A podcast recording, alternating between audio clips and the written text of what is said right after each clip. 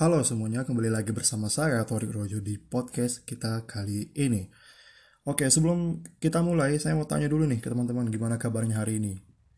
Apakah eh, sedang lesu, letih, atau karena mungkin baru awal-awal minggu.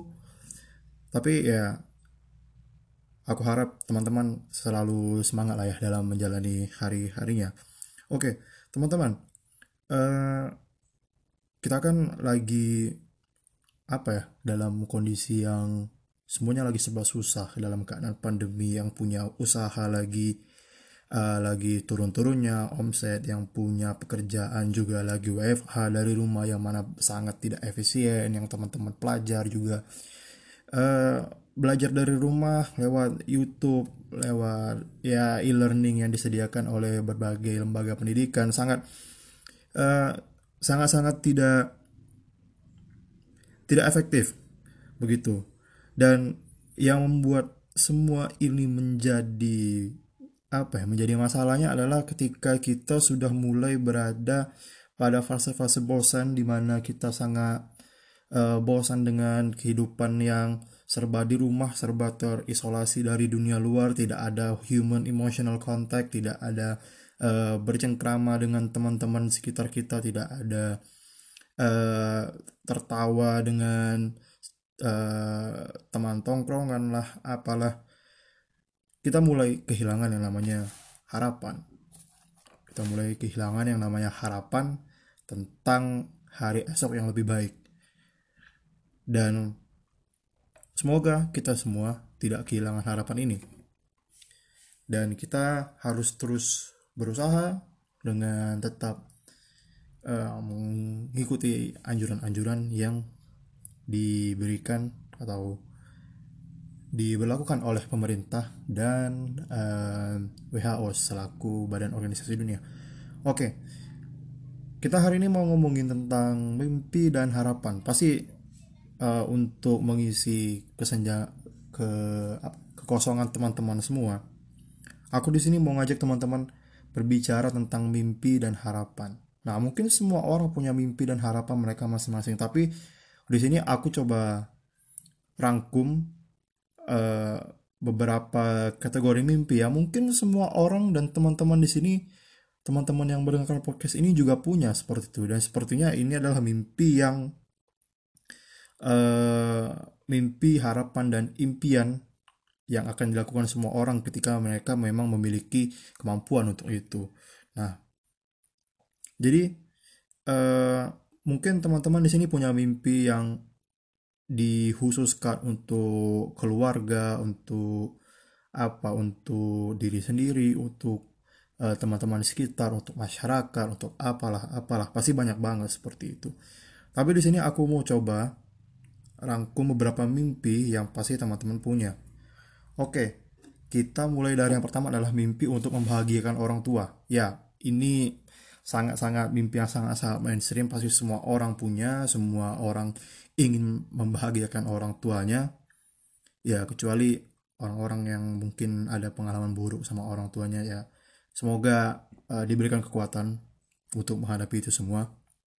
Jadi membahagiakan orang tua. Pasti orang-orang uh, yang masih memiliki orang tuanya lengkap masih sehat ataupun uh, apa masih panjang umur orang tuanya. Dan semoga orang tua kita semua juga panjang umur amin.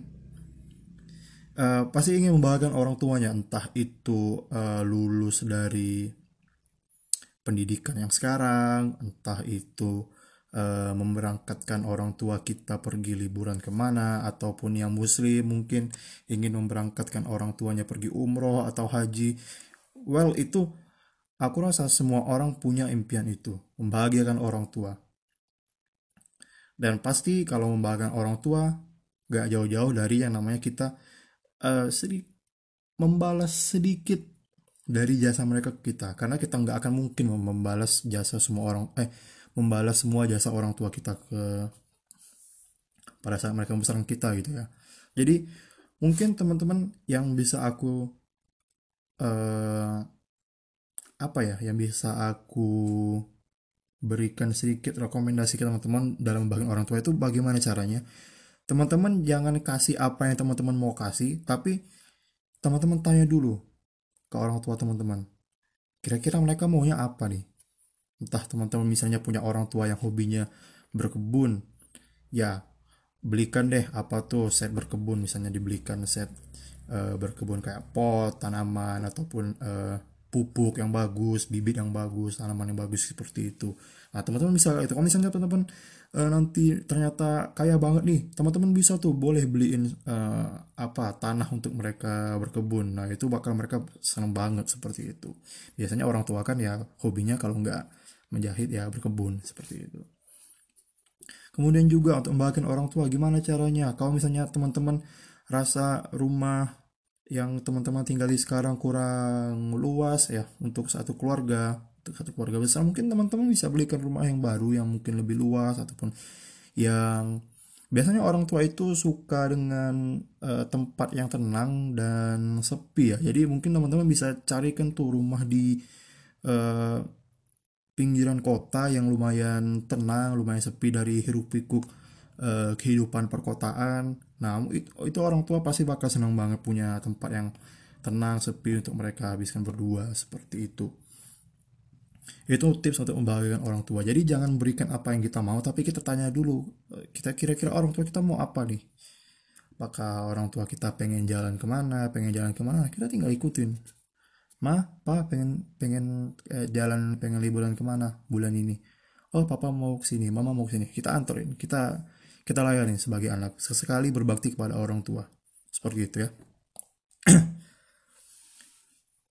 itu untuk yang pertama kemudian yang kedua adalah bekerja di tempat impian. Ini aku yakin semua orang pasti punya impian seperti ini. Bekerja di tempat yang mereka sangat inginkan. Misalnya, teman-teman di sini yang misalnya ada yang kuliah atau kerja di eh ada yang kuliah di mana? Di teknik pertambangan misalnya. Di teknik pertambangan di teknik geologi. Itu pasti ingin bekerja di tempat impian yang selinier gitu kan. Bahasa saya selinier yang yang se, sejalan gitu dengan uh, pendidikan teman-teman. Misalnya tadi kuliah di teknik pertambangan atau kuliah di teknik geologi atau kuliah di geofisika. Ya pasti impiannya ujung-ujungnya bekerjanya kalau enggak di pertambangannya menjadi konsultan seperti konsultan pertambangan. Seperti itu. Bisa jadi bekerja di uh, di mana? Di Chevron di Pertamina di El Nusa seperti itu. Banyak banget tuh. Uh, bekerja di tempat-tempat impian seperti atau misalnya teman-teman yang kuliah di HI pasti tujuan tertingginya ya kerja di perusahaan besar ataupun bekerja di kedubes itu sangat sangat eh, sangat hebat seperti orang-orang bekerja di tempat impian dan semoga kita semua bisa bekerja di tempat yang kita inginkan ataupun membuat lapangan pekerjaan baru, membuat bisnis usaha baru seperti itu. itu untuk yang kedua, bekerja di tempat impian. Kemudian ada lagi. Semua orang pasti memiliki ingin memiliki properti pribadi. Properti itu apa? Properti itu nggak selalu rumah, tapi bisa juga seperti misalnya pengen mobil apa, pengen mobil uh, Ferrari, pengen mobil Lamborghini, nggak apa-apa, bermimpi aja dulu. Kita bermimpi pengen, aku pengen punya mobil Lamborghini misalnya, aku pengen punya uh, rumah di uh, kawasan Bintaro, rumah di kawasan BSD misalnya. Kita bermimpi aja dulu, nggak apa-apa. Jangan takut bermimpi. Orang-orang yang takut bermimpi adalah orang-orang yang eh, takut untuk menantang dirinya sendiri. Karena ketika kita udah berani bermimpi, sisanya adalah bagaimana kita mewujudkan mimpi itu. Seperti itu. Kalau misalnya ingin memiliki properti pribadi, misalnya pengen punya eh, apartemen yang bagus, yang misalnya di mana? Di kawasan Ancol apartemen kawasan Ancol wah. Itu hal yang sangat hebat seperti itu. Nah ini memiliki properti pribadi misalnya uh, ingin punya koleksi apa? Misalnya ingin punya koleksi jam Rolex. So be it. Aja dulu tulis ditulis ditulis di kertas aku ingin punya jam Rolex Submariner warna hijau Submariner Hulk. Tulis. Atau aku pengen mobil eh, Supra Honda Supra. Nah, tulis aja dulu nggak apa-apa. Ditulis di keep kalau misalnya kita lagi lesu kita lagi kurang semangat dibuka lagi mimpi-mimpi itu dan mungkin kemungkinan besar kita akan jadi semangat lagi untuk mengejar mimpi-mimpi itu itu adalah yang ketiga, memiliki properti pribadi. Kemudian, ada lagi yang keempat, setelah memiliki properti pribadi, ini nggak jauh-jauh dari properti sebenarnya. Bisa berupa aset, yaitu ingin memiliki usaha sendiri. Jadi misalnya, teman-teman udah punya modal nih, pasti orang-orang yang udah uh, bekerja lumayan lama, yang hidupnya udah lumayan mapan, pastinya mereka punya tabungan kan, Nah, kita sebagai masyarakat, uh, kita sebagai orang-orang uh, di kalangan orang muda, di kalangan muda, itu jangan lagi ber apa ya? Jangan lagi bermindset bahwa uang itu harus dikumpulkan dan juga ditabung. Tapi bagaimana caranya uang di tabungan itu kita putar lagi supaya uang itu menjadi aset, nggak diam. Karena kalau uang itu bisa kena inflasi, tapi kalau aset kena inflasi pun ya masih bisa tetap berkembang asetnya. Misalnya teman-teman punya uang nih, teman-teman beliin saham, misalnya beliin berapa puluh slot, berapa berapa puluh lot gitu saham misalnya. Teman-teman beli saham apa beli saham Antam atau beli saham uh, beli saham apa ya PT Holcim misalnya beli beli aja gitu ini lebih ke aset usaha ini lebih ke aset. Atau teman-teman yang nggak suka saham ah ribet pusing ilmunya nggak banyak.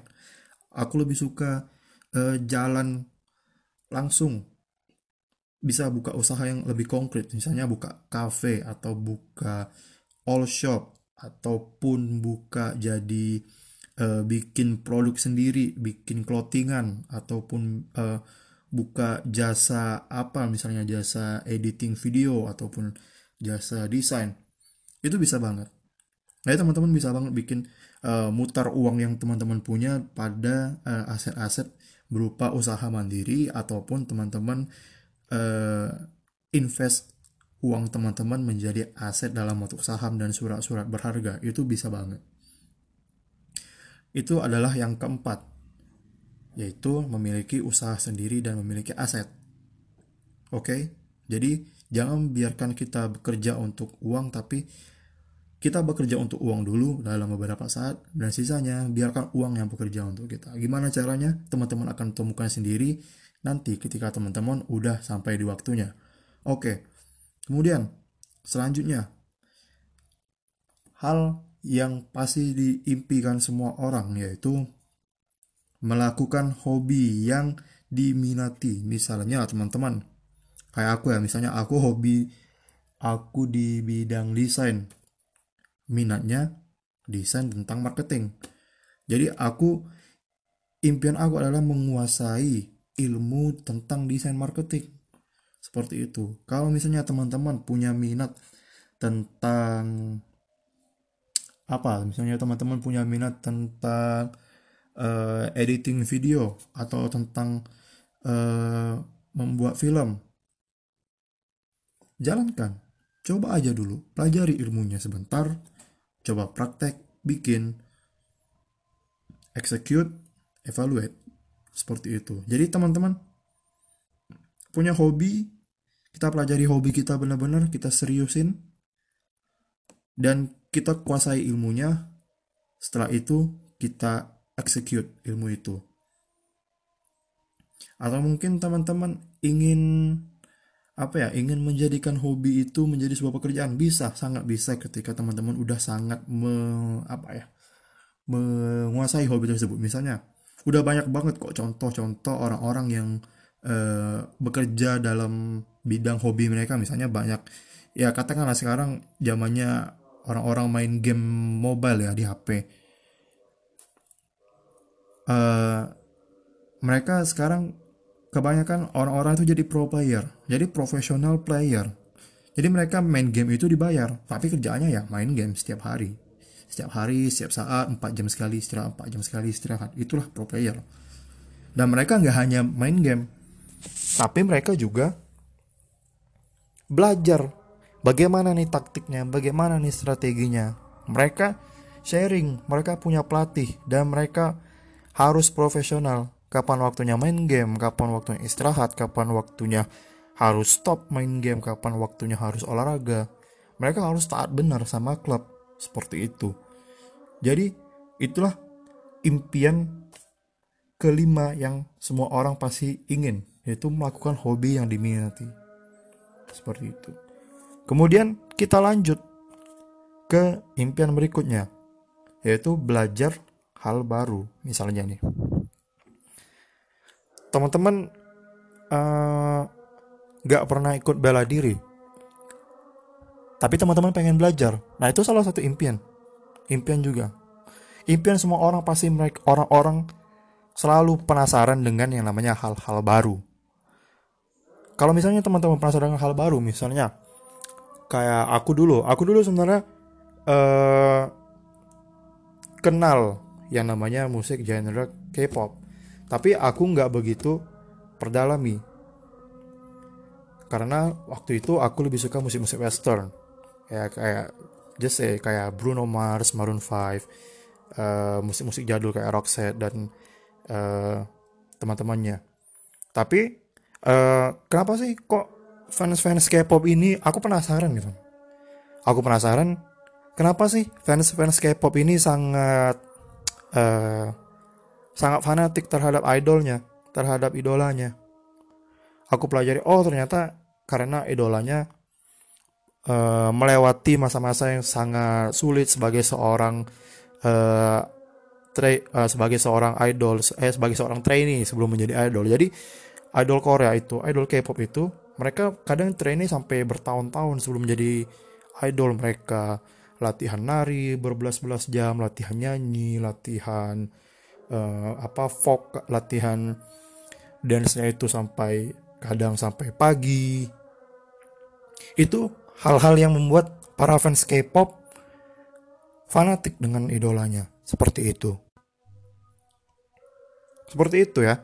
Jadi aku jadi paham kenapa nih fans K-pop jadi fanatik banget sama idolanya. Kenapa fans K-pop fanatik sama idolanya? Kenapa fans K-pop sering marah kalau idolanya dibilang plastik? Begitu ya. Walaupun ya ada beberapa yang operasi plastik ya, kecil-kecilan.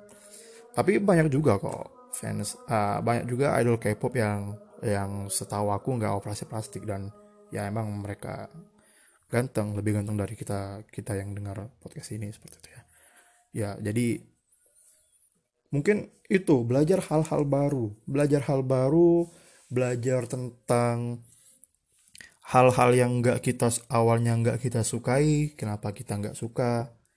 Seperti itu. Itu juga bisa mengurangi kebencian kita terhadap sesuatu.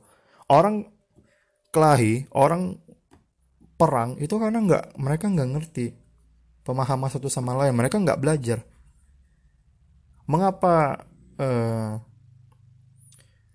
orang kenapa Hitler nggak suka sama orang Yahudi?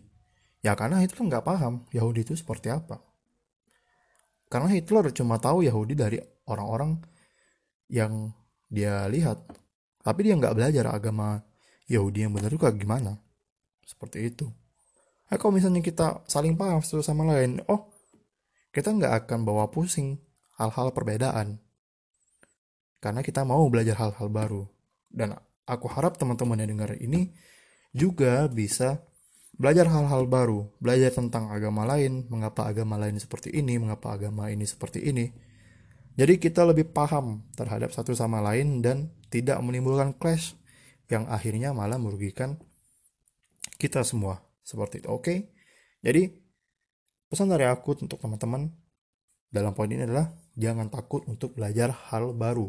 Karena belajar hal baru tidak akan membuat teman-teman rugi sedikit pun. Oke, itu adalah impian keenam yang pasti semua orang punya dan harus orang punya. Kemudian, kita lanjut ke impian ketujuh yang pasti semua orang ingin lakukan yaitu traveling ya pasti semua orang ingin traveling entah itu traveling ke eh, dalam negeri mau keliling Indonesia mau mendaki semua gunung di Indonesia mau pergi keliling Eropa mau menjelajah taman-taman bunga di Belanda mau pergi ke Disneyland di Jepang mau keliling Disneyland di yang di Amerika yang di Eropa ataupun mau pergi ke Hogwarts, Kastil Hogwarts di uh, di England kalau nggak salah atau di Jerman. Aku juga lupa. Itu adalah mimpi yang semua orang pasti punya, traveling. Kalau teman-teman nggak punya mimpi traveling, teman-teman lebih baik tulis sekarang dalam list teman-teman impian yang ingin teman-teman lakukan traveling. Karena traveling itu membuka mata teman-teman, membuka pikiran bahwa dunia ini sangat luas. Dunia ini dipenuhi oleh hal-hal yang indah, yang terlalu indah untuk ter dan terlalu sayang untuk kita hancurkan, untuk kita rusak. Punya pemandangan yang luar biasa bagusnya sehingga bisa bikin teman-teman nangis waktu teman-teman lihat. Seperti itu ya.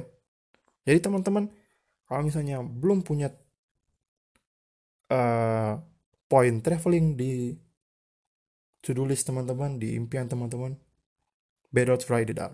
Oke? Okay? Lebih baik teman-teman tulis. Itu untuk traveling. Kemudian, ini bukan impian, tapi apa ya? Lebih ke harapan.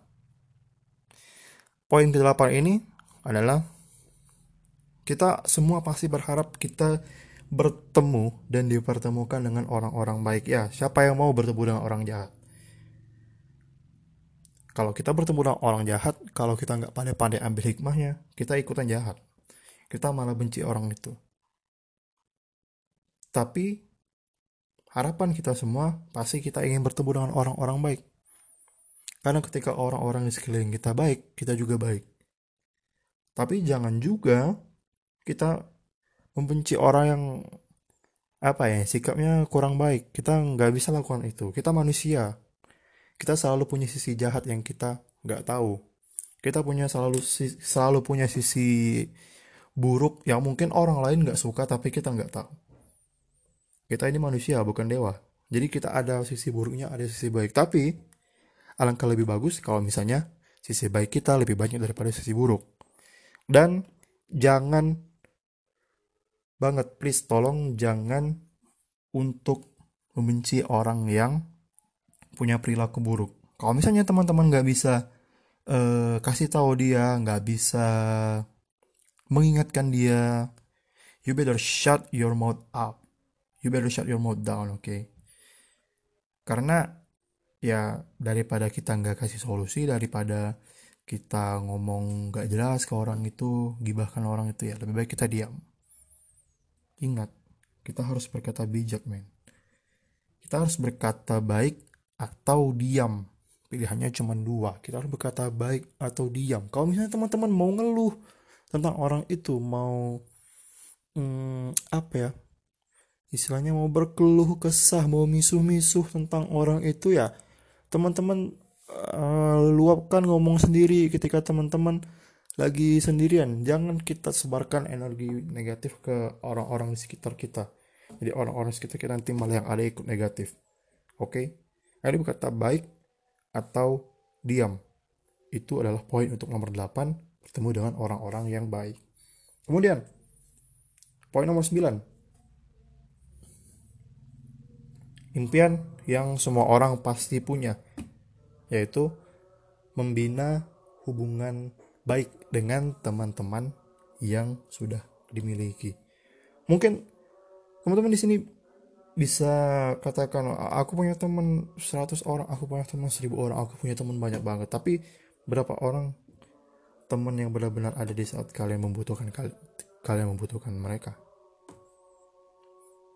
Satu, dua, atau mungkin tiga, atau mungkin sama sekali. Jadi yang harus dilakukan adalah kita harus mencari yang mana nih teman yang benar-benar teman, yang mana nih teman yang cuma and fake friend cuman mau cari benefit dari kalian cuman mau memanfaatkan kalian. Ya tapi jangan juga biarin orang yang gak ada benefitnya ke kita terpuruk sendirian. Kita kalau bisa kita angkat ya kita angkat tapi jangan juga untuk meninggalkan orang-orang yang terpuruk itu tadi seperti itu ya. Jadi kita cari teman-teman yang baik sama kita kita harus baik sama mereka. Walaupun uh, gini aku selalu punya prinsip kalau berteman itu adalah kalau kita bisa bantu teman kita kita bantu.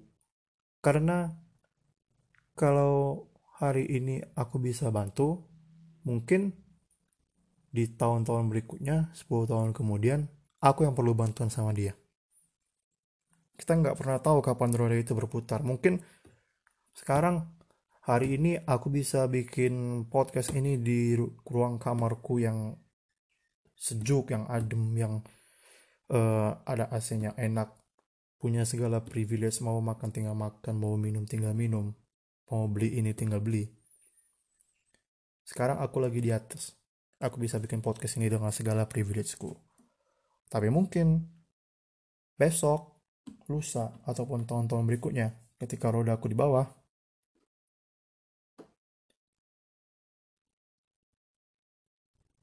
aku setidaknya punya teman-teman yang mau berada di dekat aku, berada di sisi aku. Dan aku nggak berharap mereka bantu. Tapi kalau mereka bantu ya it's better. Tapi kalau misalnya mereka nggak bantu pun at least teman-temanku ada di, di sisiku. Dan itu yang perlu kita cari teman-teman. Kita perlu cari orang yang bisa dibilang kalau mereka nggak bisa bantu mereka ada di sisi kalian ketika kalian lagi di masa-masa sulit at least teman kalian ada di sisi kalian dan kalian bisa cerita ke teman-teman kalian. Seperti itu. Apakah kalian sudah punya teman yang seperti itu ketika kalian lagi, lagi di bawah? Dan teman kalian yang ini mau mendengarkan cerita dan keluh kesah kalian? Apakah punya? Tanyakan sendiri. Kemudian terakhir, dan untuk menutup podcast kali ini adalah semua orang pasti ingin pada akhir masa mudanya pasti ingin berkeluarga. Ya. Bertemu dengan orang-orang baik ketemu dengan orang sepemikiran yang enak diajak ngobrol sampai berpuluh-puluh jam misalnya. Ketemu dengan orang-orang yang pemikirannya sama ketemu dengan orang-orang yang uh, enak di hati enak diajak ngobrol enak dipandang. Pada akhirnya ya kita semua akan menikah. Walaupun aku nggak maksa teman-teman untuk menikah karena ada juga kan yang uh, mungkin nggak mau menikah. Ya it's up to you. Nggak masalah.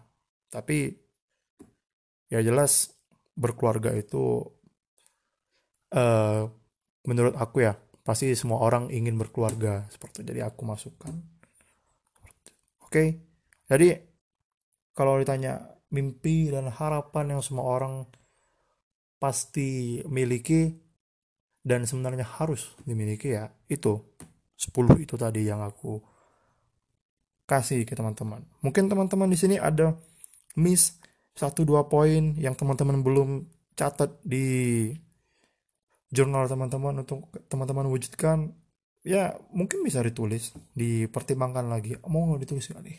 Mungkin. Ya teman-teman punya impian baru untuk di dikejar untuk dicapai seperti itu.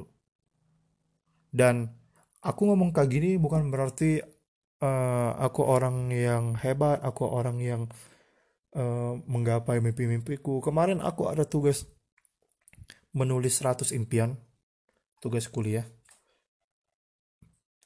dan kalau kalian kalau teman-teman mau jawaban jujur dari aku apakah aku sudah menyelesaikan beberapa dari impian itu? No. Gak ada satupun impian dari 100 itu yang aku selesaikan sekarang. Yang udah aku selesaikan itu belum ada satupun. Karena memang impiannya yang aku adalah impian yang jangka panjang banget yang 10 tahun lagi baru bisa terwujud baru bisa selesai impian itu. 15 tahun lagi baru bisa terwujud. Jadi kalau ditanya apakah 100 impian aku udah ada yang selesai? Belum. Karena 100 impian aku itu benar-benar impian yang jangka panjang banget banget banget banget. Seperti itu. Apakah teman-teman juga punya impian jangka panjang? Atau impiannya masih uh, sebatas tahun untuk setahun ini, untuk dua tahun, untuk lima tahun ke depan, it's okay. Yang penting jangan takut bermimpi, jangan berhenti untuk bermimpi, dan jangan takut untuk mewujudkan mimpi teman-teman. Oke, okay, itu dia. Saya Torik Rojo, dan terima kasih sudah menemani saya berbicara panjang lebar banget ngalor ngidul selama 30 menit ini. Goodbye. Have a nice day.